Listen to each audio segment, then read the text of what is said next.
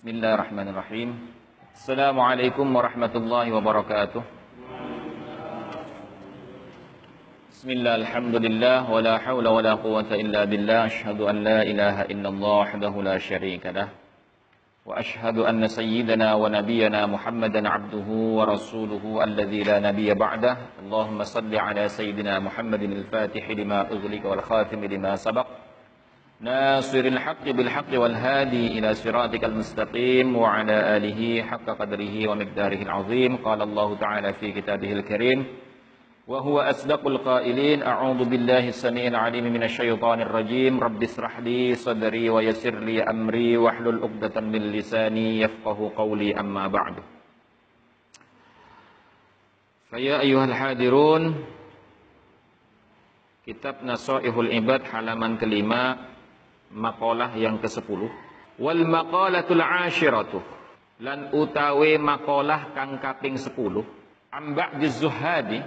Iku den riwayataken saking sebagiane pira-pira wong zuhud.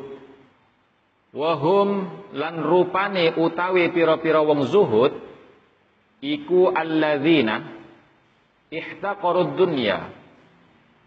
Pira-pira wong kang ngeremehaken sapa alladzina ad-dunya ing dunya. Wa hum lan utawi rupane pira-pira wong kang zuhud iku alladzina ihtaqaru ad-dunya. Pira-pira wong kang ngremehaken sapa alladzina ad-dunya ing dunya. Walam yubalu lan ora meduliaken. Lan ora apa? Peduli itu apa bahasa Jawanya? Peduli, bahasa Jawanya apa? Walayu, ah?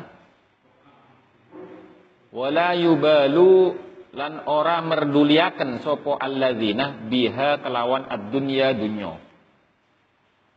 Aja udah. Campuran aja bahasa Indonesia bahasa Jawa udah. Yang penting kan paham.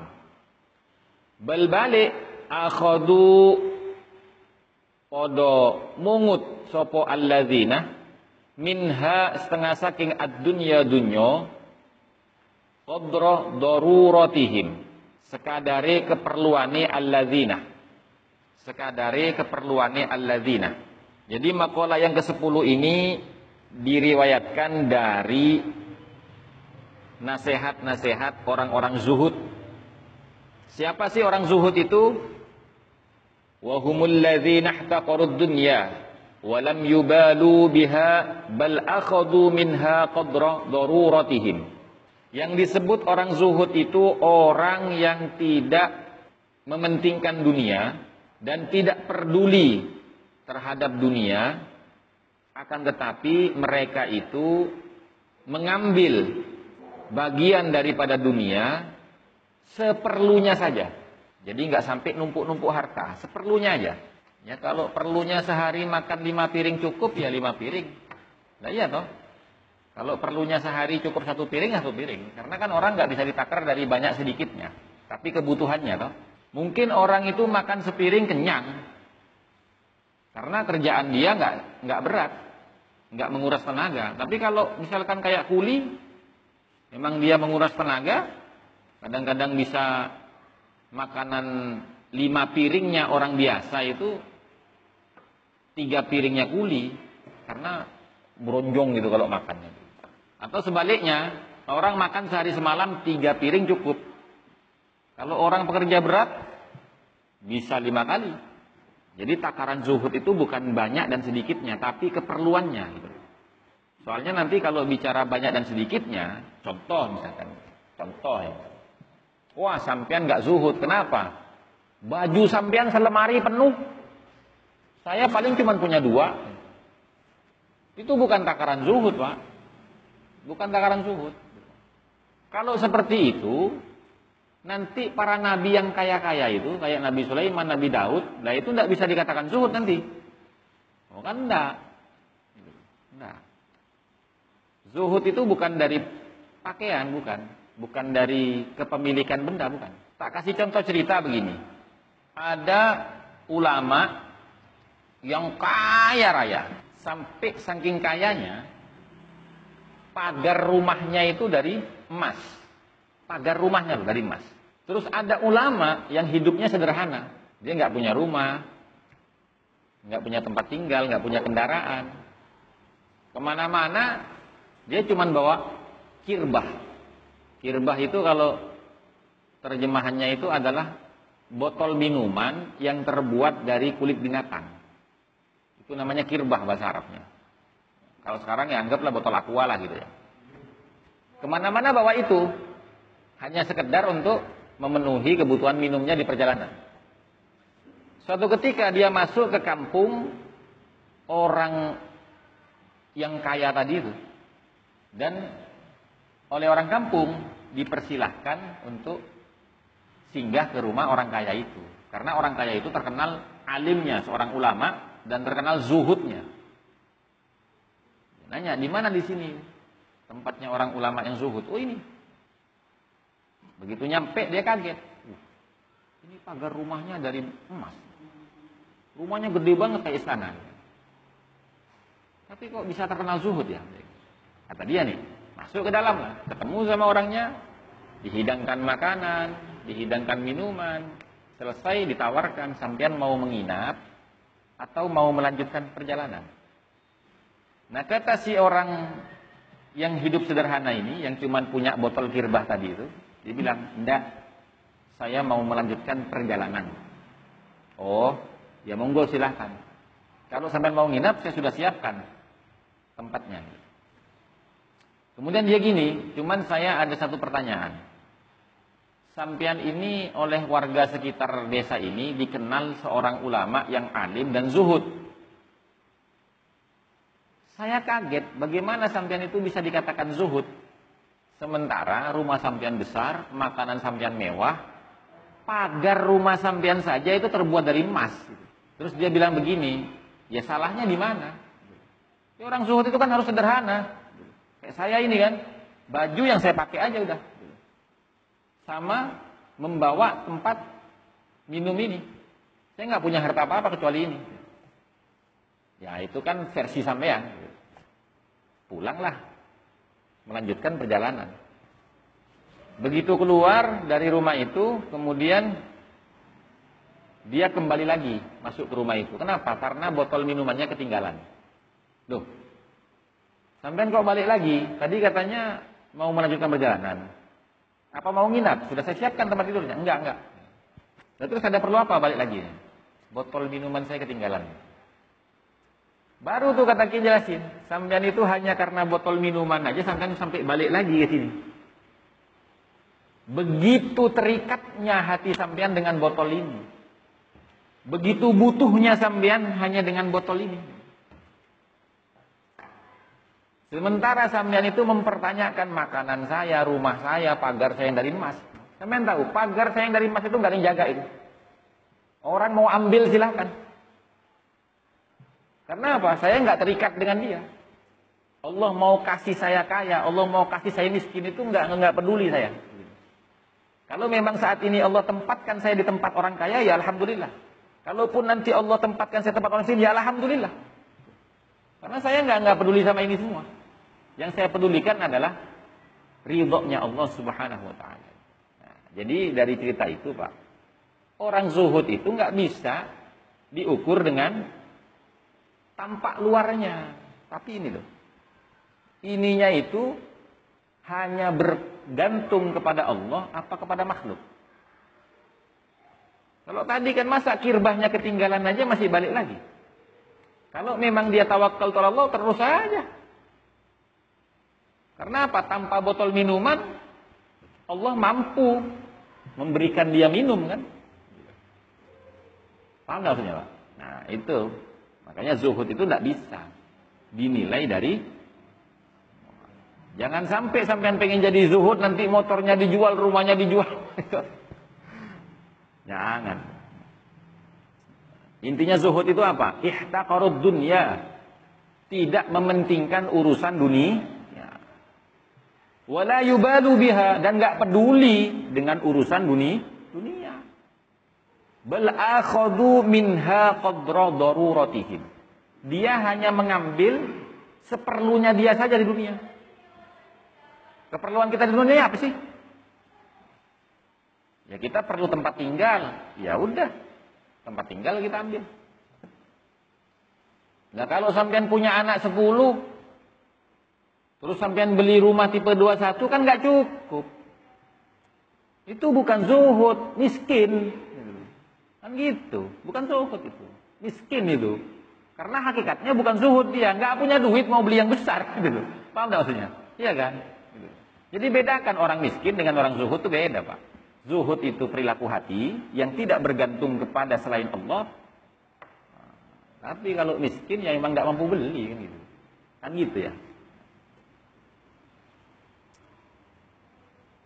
Karena saya menjelaskan ini penting, Pak. Karena apa? Karena akhir zaman itu banyak orang tertipu dengan penampilan. Ya kan? Tertipu dengan penampi penampilan. Loh, Nabi itu kan bajunya tembelan-tembelan tuh. Sampai tahu enggak? Nabi kenapa sih pakai baju ditembel-tembel itu kok kayak orang enggak kuat beli baju baru? Sampai kan enggak tahu. Gini loh Pak. Sahabat-sahabat Nabi itu itu kan ada dari kalangan budak, ada dari orang-orang miskin, gitu kan untuk membesarkan hati sahabat-sahabatnya yang dari kalangan budak dan orang miskin itu, maka Nabi contohkan hidup sederhana. Bukan berarti Nabi nggak mampu beli. Nabi itu menikahi Siti Khadijah itu maharnya 100 ekor unta loh. Belum kambingnya, belum bajunya, belum perhiasannya. Kalau dihitung itu 10 miliar itu semua.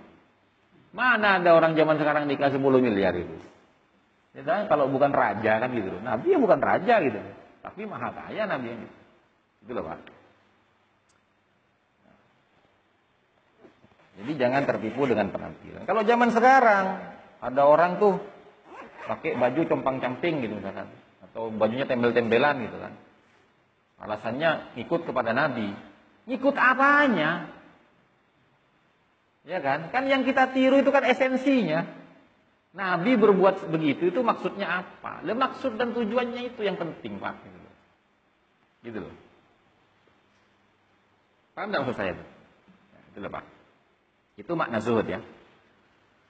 Nah, beliau memberikan nasihat man aznaba dzamban barang siapa yang berbuat dosa Man utawi sopone wong adnabah ngelampakaken dosa sapa man zamban ing suwiji dosa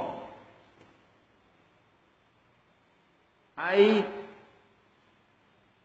tegese tahammalahu ngelakoni ngelakoni sapa man hu ing dosa wa huwa lan hale utawi man yadhaku iku guyu sapa man. Tahu guyu itu ketawa. Man utawi sapane wong aznaba kang nglampakaken dosa sapa man dzamban ing suwiji dosa ai tahammalahu nglampakaken sapa man hu ing dosa wa huwa lan hale utawi man yadhaku iku guyu sapa man. Ai tegese wal halu lan utawi tingkahiman annahu iku satuhune man yafrahu bungah sapa man bitahammulihi kelawan ngelampakaken dosa ing dalem ngelampakaken dosa bitahammulihi ing dalem ngelampakaken dosa artinya barang siapa yang berbuat suatu dosa dalam keadaan tertawa, artinya itu dia tahu bahwa dirinya itu berbuat dosa, tapi nggak ada penyesalan, nggak ada sedihnya, malah bangga diri. Kelihatan fisiknya itu bahagia, enjoy aja gitu kayak nggak merasa bersalah, nggak merasa berdosa gitu loh. Padahal dia tahu bahwa yang diperbuat itu adalah dosa. Fa innallaha maqasatuhuni Allah. Yudkhiluhu iku bakal ngeleboaken sapa Allahu ing man annaro ing neraka. Fa innallaha maka satuhune Allah yudkhiluhu iku bakal ngeleboaken sapa Allahu ing man annaro ing neraka wa huwa lan hale utawi man ya baki iku nangis sapa jadi orang yang ketika hidupnya itu berbuat dosa sambil bangga, nggak merasa bersalah, bahkan tertawa terbahak-bahak, maka Allah akan memasukkan orang itu ke dalam neraka dalam keadaan menangis. Kenapa begitu? Lianna haqqahu. Karena satuhune hake. Man aznaba damban li anna haqqahu karena satuhune hake. Man aznaba dzamban ayyandama iku yento nyesel. Sapa man wa yastaghfirullah taala lan amrih pangepura sapa man Allah ing Allah taala sifati Allah kang maha luhur lidzalika krana mengkono-mengkono zamban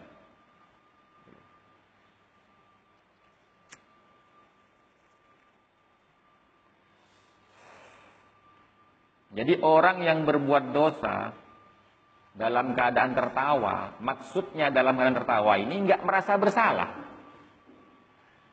Ya kan? Orang melanggar perintahnya Allah. Orang menyelisihi sunnahnya Rasulullah. Orang menzolimi orang lain.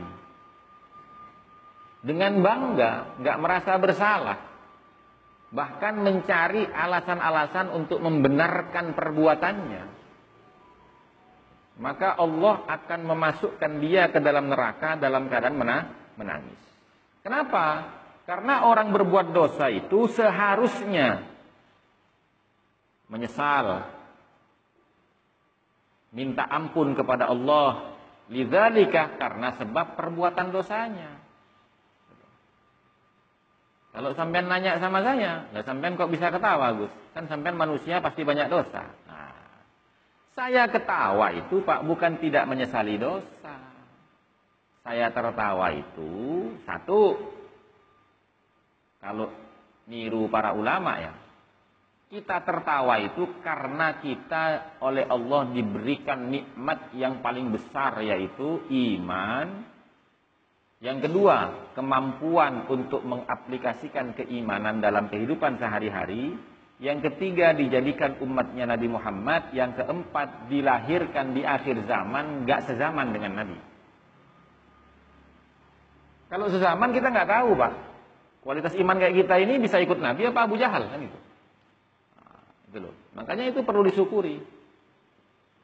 Terus Allah memberikan kita jasad yang normal, pikiran yang normal, jasmani rohani kita normal. Kalau kita menampakkan kesedihan di hadapan orang banyak, itu kok kayaknya Allah itu nggak ngasih kenikmatan apa pun sama kita. Ya toh? Nah. Terus apakah itu nggak termasuk ke sini, Gus? Oh enggak. Karena kita tertawa-tertawa itu bukan merasa bangga dengan dosa kita. Bukan.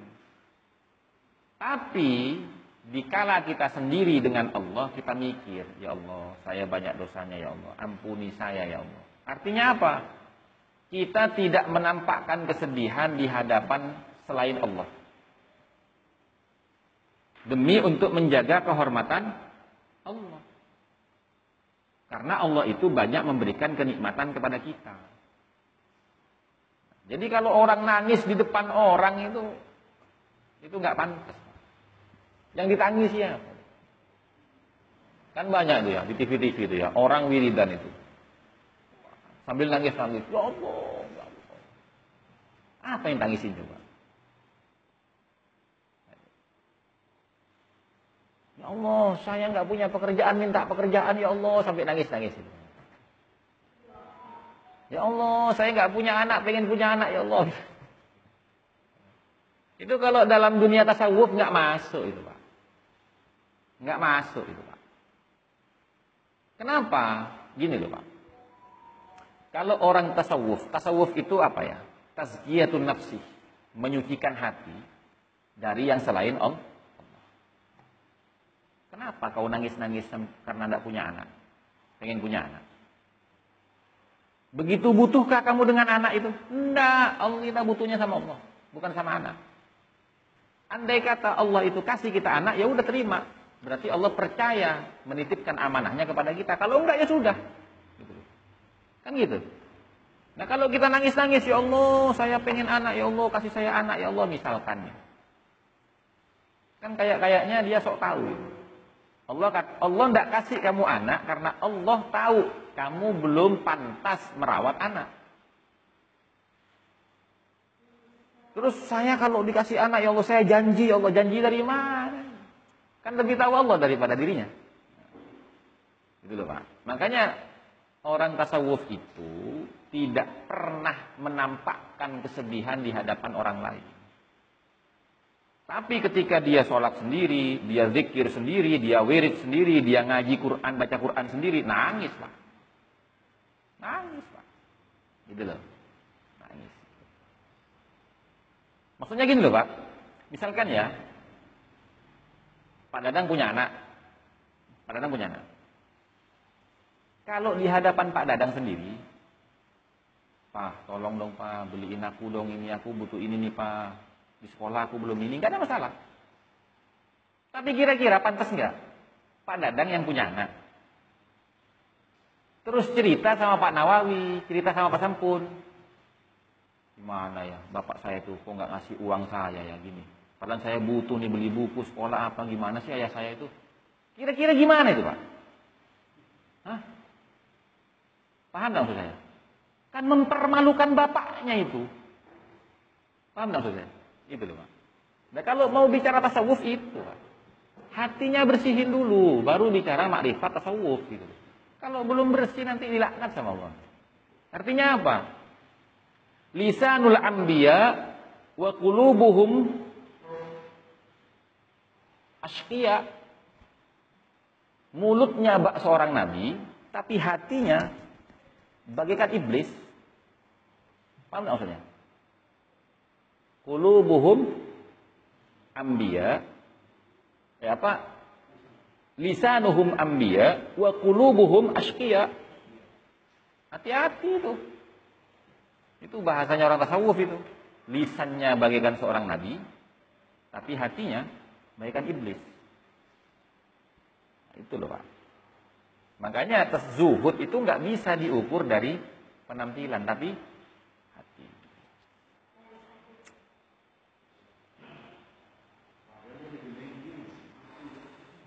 Tolak ukurnya bagaimana? Kembali kepada hadis Nabi. Ya. Inna fil jasati mudghatun. Sesungguhnya dalam jasad tiap manusia itu ada segumpal daging.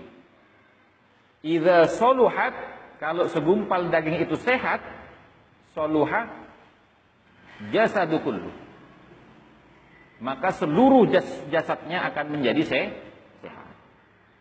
Wa idza fasadat kalau sakit segumpal dagingnya itu fasadal jasadu kullu maka seluruh jasadnya akan sakit.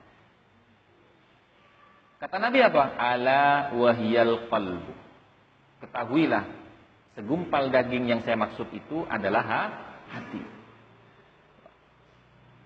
Makanya ada istilah dalam ilmu tasawuf itu Al-zahir yazullu alal batin. Perilaku zahir itu menunjukkan kapasitas hatinya.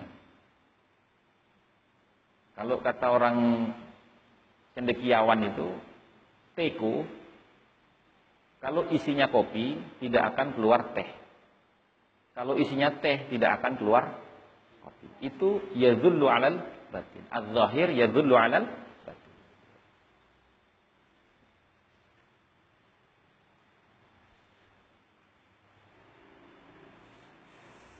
Nah sekarang kita belajar introspeksi. Kita ini banyak dosa, sering nggak kita nangis berdua dengan Allah? Nah, sering nggak gitu? Ketika kita sholat sendiri ya, sholat malam ya, tahajud ya. Allahu Akbar. Sambil sholat nangis. Ketika inni wajjahtu wajhiya lillazi fataras samawati wal arda. Sesungguhnya aku menghadapkan diriku kepada Tuhan yang menciptakan langit dan bumi di mana aku tempat. Di mana aku ber, bertempat. Hanifan. Niatnya lurus, ikhlas. Musliman dalam keadaan menyerahkan diri pasrah kepada Allah. Wa ma ana minal musyrikin. Dan saya ini bukan tergolong orang yang menyekutukan Allah. Apa yang ini? Sampai kalau bisa merenungi kalimat itu, pasti nangis, Pak. Pasti nangis.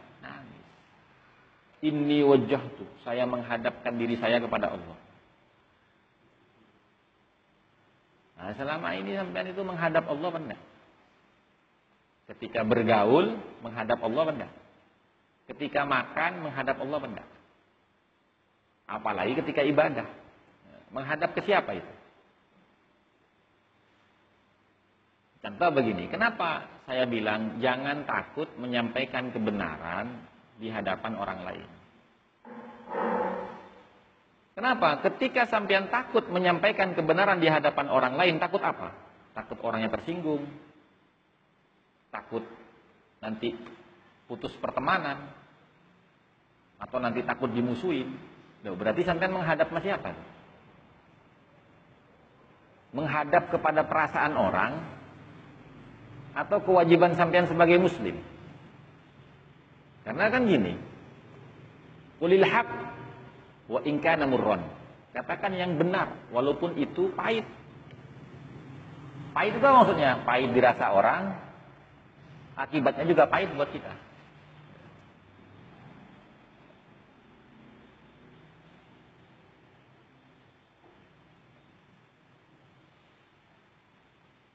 Bayangkan Pak. Ada wali besar namanya Rabi'atul Adawiyah. Di zaman Rabi'atul Adawiyah itu juga hidup seorang wali besar zaman tabi'in namanya Hasan Al-Basri. Nah, Hasan Al-Basri ini mengetahui bahwasanya Rabi'atul Adawiyah seorang, seorang wali wanita yang paling agung ini ternyata seorang janda. Ya pikirannya podo kaya Pak Nawawi ono ono rondo kan pengen dilamar enggak? Hah? Iya. Nah iya. Dilamar Pak. Sama Hasan Basri itu dilamar Pak. Ya Rabi'ah. Bukankah kita ini sekufu? Tahu sekufu nggak? Sekufu itu sederajat, sepantaran. Sama-sama walinya Allah. Kamu janda, saya duda. Cuman Pak Jawawi kan gak duda kan. Gimana kalau kita menikah saja? Robi'ah itu menjawab, Pak. Saya akan terima lamaran kamu. Kalau kamu bisa menjawab pertanyaan saya. Satu. Gitu. Kalau saya mendapati ajal saya, apakah saya dalam keadaan husnul khotimah atau su'ul khotimah? Wah saya nggak tahu, saya aja bingung saya husnul khotimah apa enggak katanya Hasan Basri itu. Apalagi kamu katanya itu. Yang kedua, kalau saya sudah mati, masuk ke alam kubur, apakah saya termasuk orang yang terbebas dari siksa kubur atau tidak? Oh ya nggak tahu lah saya. Saya aja nggak jelas itu. Itu wali pak, wali. Terus yang ketiga, kalau saya sudah dibangkitkan dari alam kubur, apakah saya ini bersama dengan orang-orang yang akan Allah masukkan ke surga atau neraka? Ya nggak tahu lah saya. Langsung Robiatul Adawiyah perempuan yang dilamar ini bilang, Wahai Hasan Basri, tiga pertanyaan ini penting bagi kita. Masih sempatkah kau mikirin urusan dunia? Itu wali pak. Itu wali. Makanya disebut al-arif billah. Orang yang makrifat kepada Allah, itu makrifat itu. Oh, sekarang itu mak repot itu bukan makrifat. Tadi kan cerita makrifat mas saya. Kalau sampean ketemu orang yang ngaku makrifat, tak kasih pertanyaan sama saya, lafat Allah itu artinya apa? Parkit. Gitu loh. Kan kalau orang makrifat sama Allah itu kan hal terkecil dari Allah kan harus tahu. Ya kalau nggak tahu kan bukan makrifat. Tahu nggak maksudnya makrifat itu? Ada alimah, ada arafah. Eh ada alimah, ada arafah. Kalau alimah itu tahu, kulitnya aja. Kalau arafah itu tahu sampai ke dalam-dalamnya. Makanya wali itu nggak disebut alim, tapi disebut al-arif. Nah, kalau lafat Allah aja nggak tahu artinya kok ngaku makrifat itu mau ke mana? Itu pertanyaan saya, Pak. Supaya sampean lebih hati-hati menghadapi orang-orang akhir zaman yang suka begitu. Jadi ulama itu sudah memberikan teori. Dulu Syekh Abdul Qadir juga di, pernah ketemu dengan orang seperti itu. Ditanya sama Syekh Qadir itu. Itu di dalam Mukhtasar fi Ulumiddin, karya tulis daripada Syekh Qadir Al-Jailani. Nek isok moco berarti ketemu jawabannya itu. Kalau terjemahan itu tidak ada itu, karena itu kitab Toriko. Kitab Toriko tidak diterjemahkan secara bebas. Cari di Google kalau ketemu. Kan gitu. Sekarang Google kan ada, cari di Google apa-apa. Lafat Allah itu artinya apa?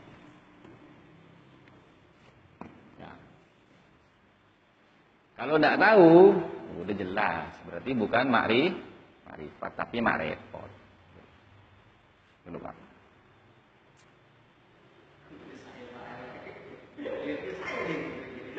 Iya ini.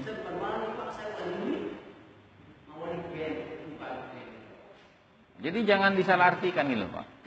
Memang betul di dalam kitab Matnuzubat itu ada kalimat begini awal wajibin alal insani ma'rifatul ilahi bistiqani pertama kali yang wajib bagi manusia itu ma'rifatul ilahi bistiqani mengenal Tuhannya dengan yakin. Yakin ini maksudnya apa? Ada dasarnya. Kau bisa mengatakan Allah begini itu dasarnya apa? Kan tidak boleh pakai akal. Ya kan? Harus bil ilm bil ilmi. Kenapa bil ilmi? Karena Allah sendiri mensifati nabinya bil ilm. Wa ma yantiqu 'anil hawa in huwa illa wahyun yu. Nabi Muhammad itu tidak pernah berbicara anil hawa berdasarkan hawa nafsu. In huwa illa wahyun yuh. Tapi Nabi itu berbicara berdasarkan wahyu. Maksudnya wahyunya apa? Al-Qur, Al-Qur'an. Soalnya nanti kalau tidak saya jelaskan wahyu itu Al-Qur'an, nanti saya bilang, dapat wangsit, Gus. Dapat wangsit, Gus. Repot. Wangsit itu bukan bahasa kita, Pak. Bahasa orang Hindu Buddha itu. Bahasa kita itu ada. Dapat wangsit itu ada. Ada kah sampean cerita kiai-kiai zaman kuno-kuno aja di kampung-kampung itu? Wah, tadi malam saya dapat wangsit nggak ada. Nggak ada. Yang ada itu tadi malam saya dapat petunjuk. Ketika saya baca Quran saya dapat petunjuk. Dari mana petunjuknya? Dari Al-Quran. Ketika saya lagi sholat dapat petunjuk. Dari mana petunjuknya? Dari yang dibaca. Bukan akal. Ada penjelasannya Syabdul Qadir Jailani itu tentang masalah kasyaf. Tahu kasyaf? Kasyaf itu orang yang melihat dengan cahaya Allah. Bukan dengan mata batin, bukan. Binurillah dengan cahaya Allah. Nah orang kasyaf ini wali pak. Tapi gini, orang itu untuk nyampe kepada kashful hatiki itu pasti akan melewati dua hal. Kalau cara dia menjalankan takarrub kepada Allah, riyadhah, mendekatkan diri kepada Allah itu benar, maka godaan pertama itu adalah kashful khayali. Akan diganggu dengan khayalnya. Kalau dia selamat, nyampe. Kashful hakiki. Tapi kalau cara riyadhahnya itu nggak sesuai dengan agama, maka yang akan mengganggu dia adalah kashfus syaitani.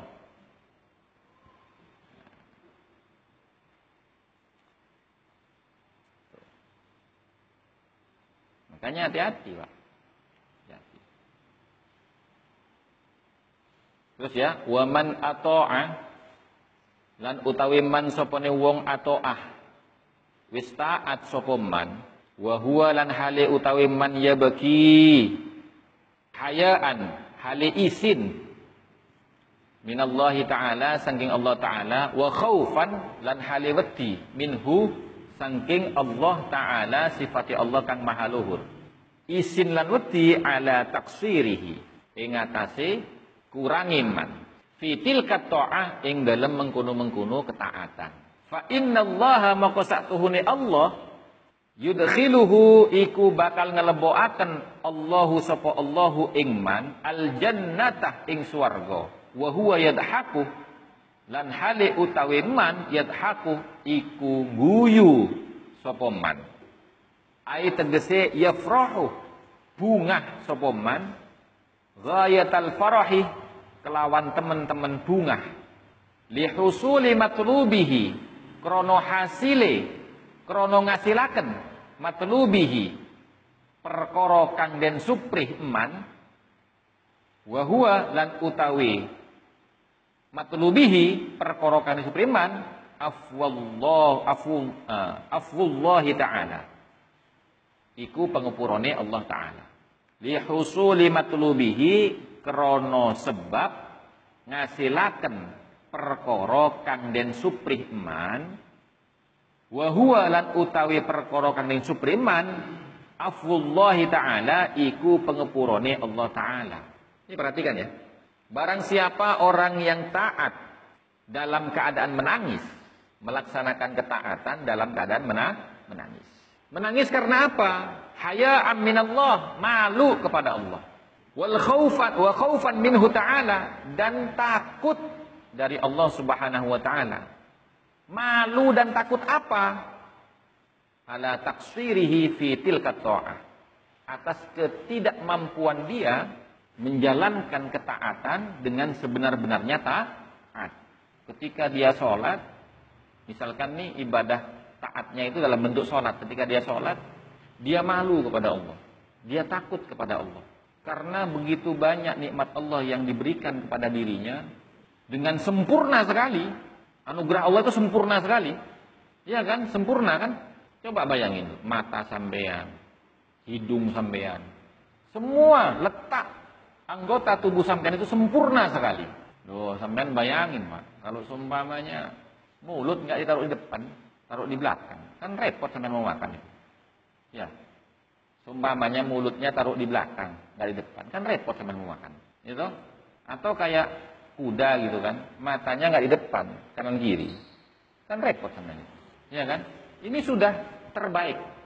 Allah memberikan anugerahnya sudah terbaik. Tapi kita hanya menjalankan ketaatan saja. Nggak sampai lima menit. Ya kan? Sholat itu kan nggak sampai lima menit. Kok nggak mampu kita itu? Meninggalkan dunia dari pikiran kita sejenak hanya untuk mendekat kepada Allah. Malu Pak. Bukan malah bangga. Wah saya itu nggak pernah ninggalin sholat. Dari kecil sampai sekarang saya itu nggak pernah nggak sholat. Dari kecil sampai sekarang saya selalu berjemaah. Wah ini takjub bin nafsin orang ibadah itu kalau imannya benar haya aminallah wa khawfam minhu ta'ala Kenapa? Ala taksirihi karena kurangnya dia, kurang sempurna di dalam menjalankan ketaatan kepada Allah. Jadi sadar diri terus, Pak. Makanya kenapa Imam As-Sari As-Saqati itu memberikan suatu kaidah tanda min alamatil istidraj al-ama an uyubi nafsi. Tanda-tandanya orang yang terjebak dengan kefatamorganaan dunia al-ama an uyubi nafsi. Enggak sadar akan kesalahan dan kekurangan dirinya. Kayak Fir'aun. Fir'aun tuh dari kecil nggak pernah sakit, Pak. Nggak pernah sakit Fir'aun. Nggak pernah kekurangan. Nggak pernah kepanasan. Makanya sampai ngaku Tuhan. Nggak sadar bahwa dirinya manusia. Lawang awak isik ngising. Ya sik nguyu yo ngaku Tuhan piye. Yo, Pak. Terus dulure dhewe dinikah. Pikirannya gimana? Waduh, ini saudara saya cantik nih. Kalau diambil orang kan rugi. Dinikahi sendiri. Oh, dia masih terpengaruh dengan dunia kok ngaku Tuhan tuh gimana? Gak sadar dengan kekurangan dirinya. Itu loh Pak. Paham ya? Itu loh Pak. Hati-hati. Orang yang ibadahnya benar, itu selalu dalam dirinya itu ada rasa malu kepada Allah. Takut kepada Allah. Malu dan takut itu yang akan mendorong dia untuk berusaha. Berusaha apa? Berusaha menyempurnakan ibadahnya di hadapan Allah, bukan di hadapan makhluk. Nanti di hadapan makhluk Allahu Akbar. Bismillahirrahmanirrahim. Ketika sholat sendirian, Allahu Akbar. Bismillahirrahmanirrahim. Amin. Allahu Akbar. Sampean itu cari kemuliaan di hadapan Allah apa di hadapan makhluk? Kalau di depan orang banyak, ya kan? action, action wah, kayak aktor pemain film itu. Tapi begitu sendirian sama Allah berdua nggak peduli. Berarti kan nggak ihsan orang itu. Orang ihsan itu definisinya apa? Anta'budallaha ka'annaka tarah.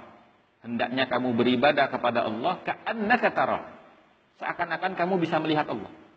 Fa illam takun yarahu fa innahu yaraka. Kalau kamu nggak bisa melihat Allah, yakin bahwa Allah itu selalu melihat dan memperhatikan kamu. Nggak ada bahasa makhluknya di situ. Nah, ihsan itu yang disebut tasawuf, tasawuf. Tazkiyatun nafsi, ya, membersihkan diri dari selain Allah. Seperti lagu itu loh. Lagunya apa? Maher Zain ya? Ya lagunya Maher Zain. Ma fi qalbi ghairullah itu kan. Tidak ada di hati saya itu kecuali Allah. Nggak ada yang lain. Jadi di hatinya terus Allah, Allah, Allah, Allah terus. Bahkan sampean melihat orang lain.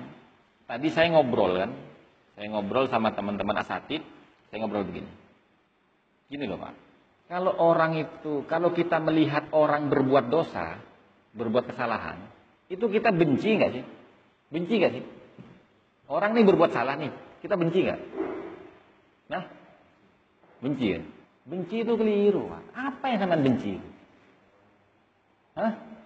Nah, apa yang dibenci? Mestinya kita kasihan kan? Kita bersyukur, dia kasih kita kita bersyukur atas diri kita, kita kasihan kepada orang yang bermaksiat. Maksudnya gimana? Kasihan banget ini orang sedang Allah letakkan di tempat yang hina, yaitu kemaksiatan kita bersyukur alhamdulillah Allah letakkan kita di tempat orang-orang soleh. Bukan malah dibenci, Pak. Karena apa?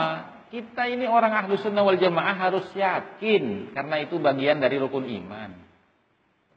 Baik buruk dari Allah. Itu loh, Pak. Ujian semua ini, Pak. Ujian semua ini.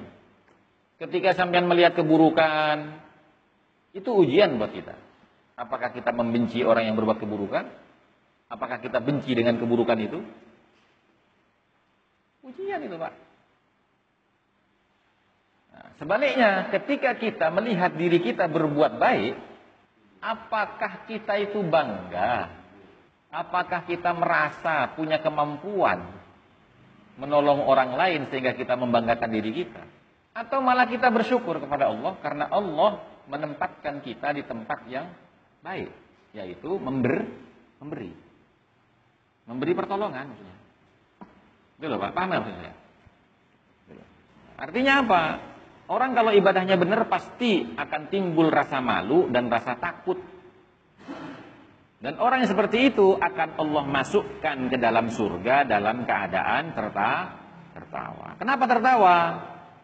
Karena dia melihat hasil dari yang diharapkannya ketika di dunia. Apa? Pengampunan Allah, permaafan Allah atas ketidaksempurnaan dan kurangnya dia ketika melaksanakan kewajiban ibadah kepada Allah. Itu loh Pak. Ini kitab dasar tasawuf Pak.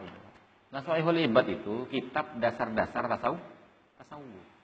Ada lagi Minah Husaniyah. Nanti tingkat yang lebih atas lagi ada Kifayatul Atqiyah.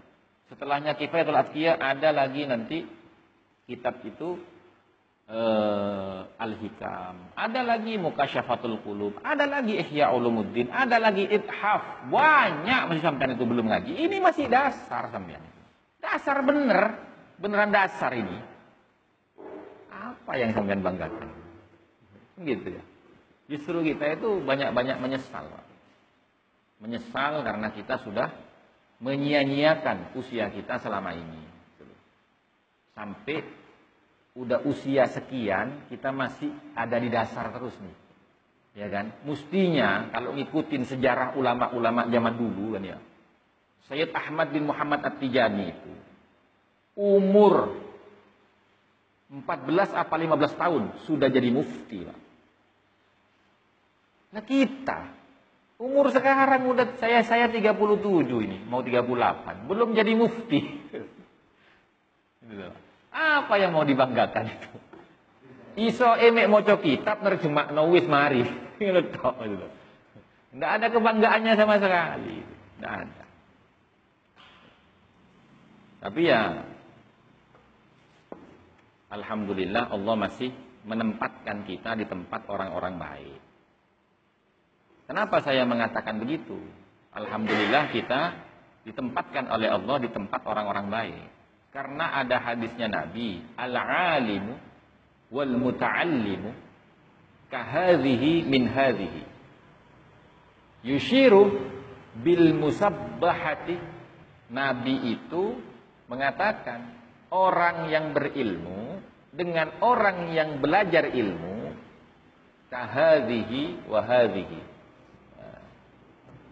Mengisyaratkan dengan jari telunjuknya. Kahadhihi wahadhihi. Seperti ini dan ini. Di mana jari telunjuk ini syarikani fil ajri. Bekerja sama di dalam menggapai pahala dari Allah Subhanahu wa taala. Wala khaira sairun nasi ba'du. Dan yang lain daripada itu nggak dianggap baik sama Allah. Ya, Pak. Wong sing ngurui ngaji karo wong sing gelem ngaji itu yang dianggap baik oleh Allah. Yang di luar itu wala khair sairun nasi ba'du. Enggak ada kebaikan di dalamnya. Mau gimana lagi? Ya kita bisanya cuma begini ya kan.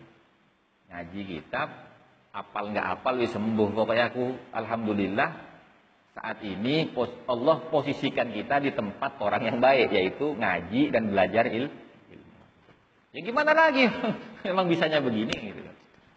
Tapi ya mudah-mudahan dengan keistiqomahan kita ini Allah mendatangkan keberkahan dan manfaat bagi kita semuanya dan mudah-mudahan juga yang kita pelajari selama ini itu bisa menambah pengetahuan, wawasan dan kefahaman kita sehingga bisa menjadi modal kita untuk menyempurnakan amaliyah ibadah kita kepada Allah Subhanahu wa taala. Dan mudah-mudahan Allah memberikan kemampuan kepada kita untuk menjaga keistiqomahan kita di dalam menjalankan perintahnya Allah Subhanahu wa taala serta meneladani sunnah-sunnahnya Nabi Muhammad sallallahu alaihi wasallam.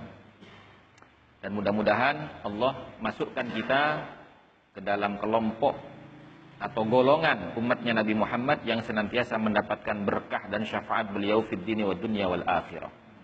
Sehingga Allah pertemukan kita semuanya dengan ajal kita dalam keadaan husnul khatimah. Akhirul kalam wallahul muwafiq ila aqwamit wal afu minkum. Thumma assalamu alaikum warahmatullahi wabarakatuh.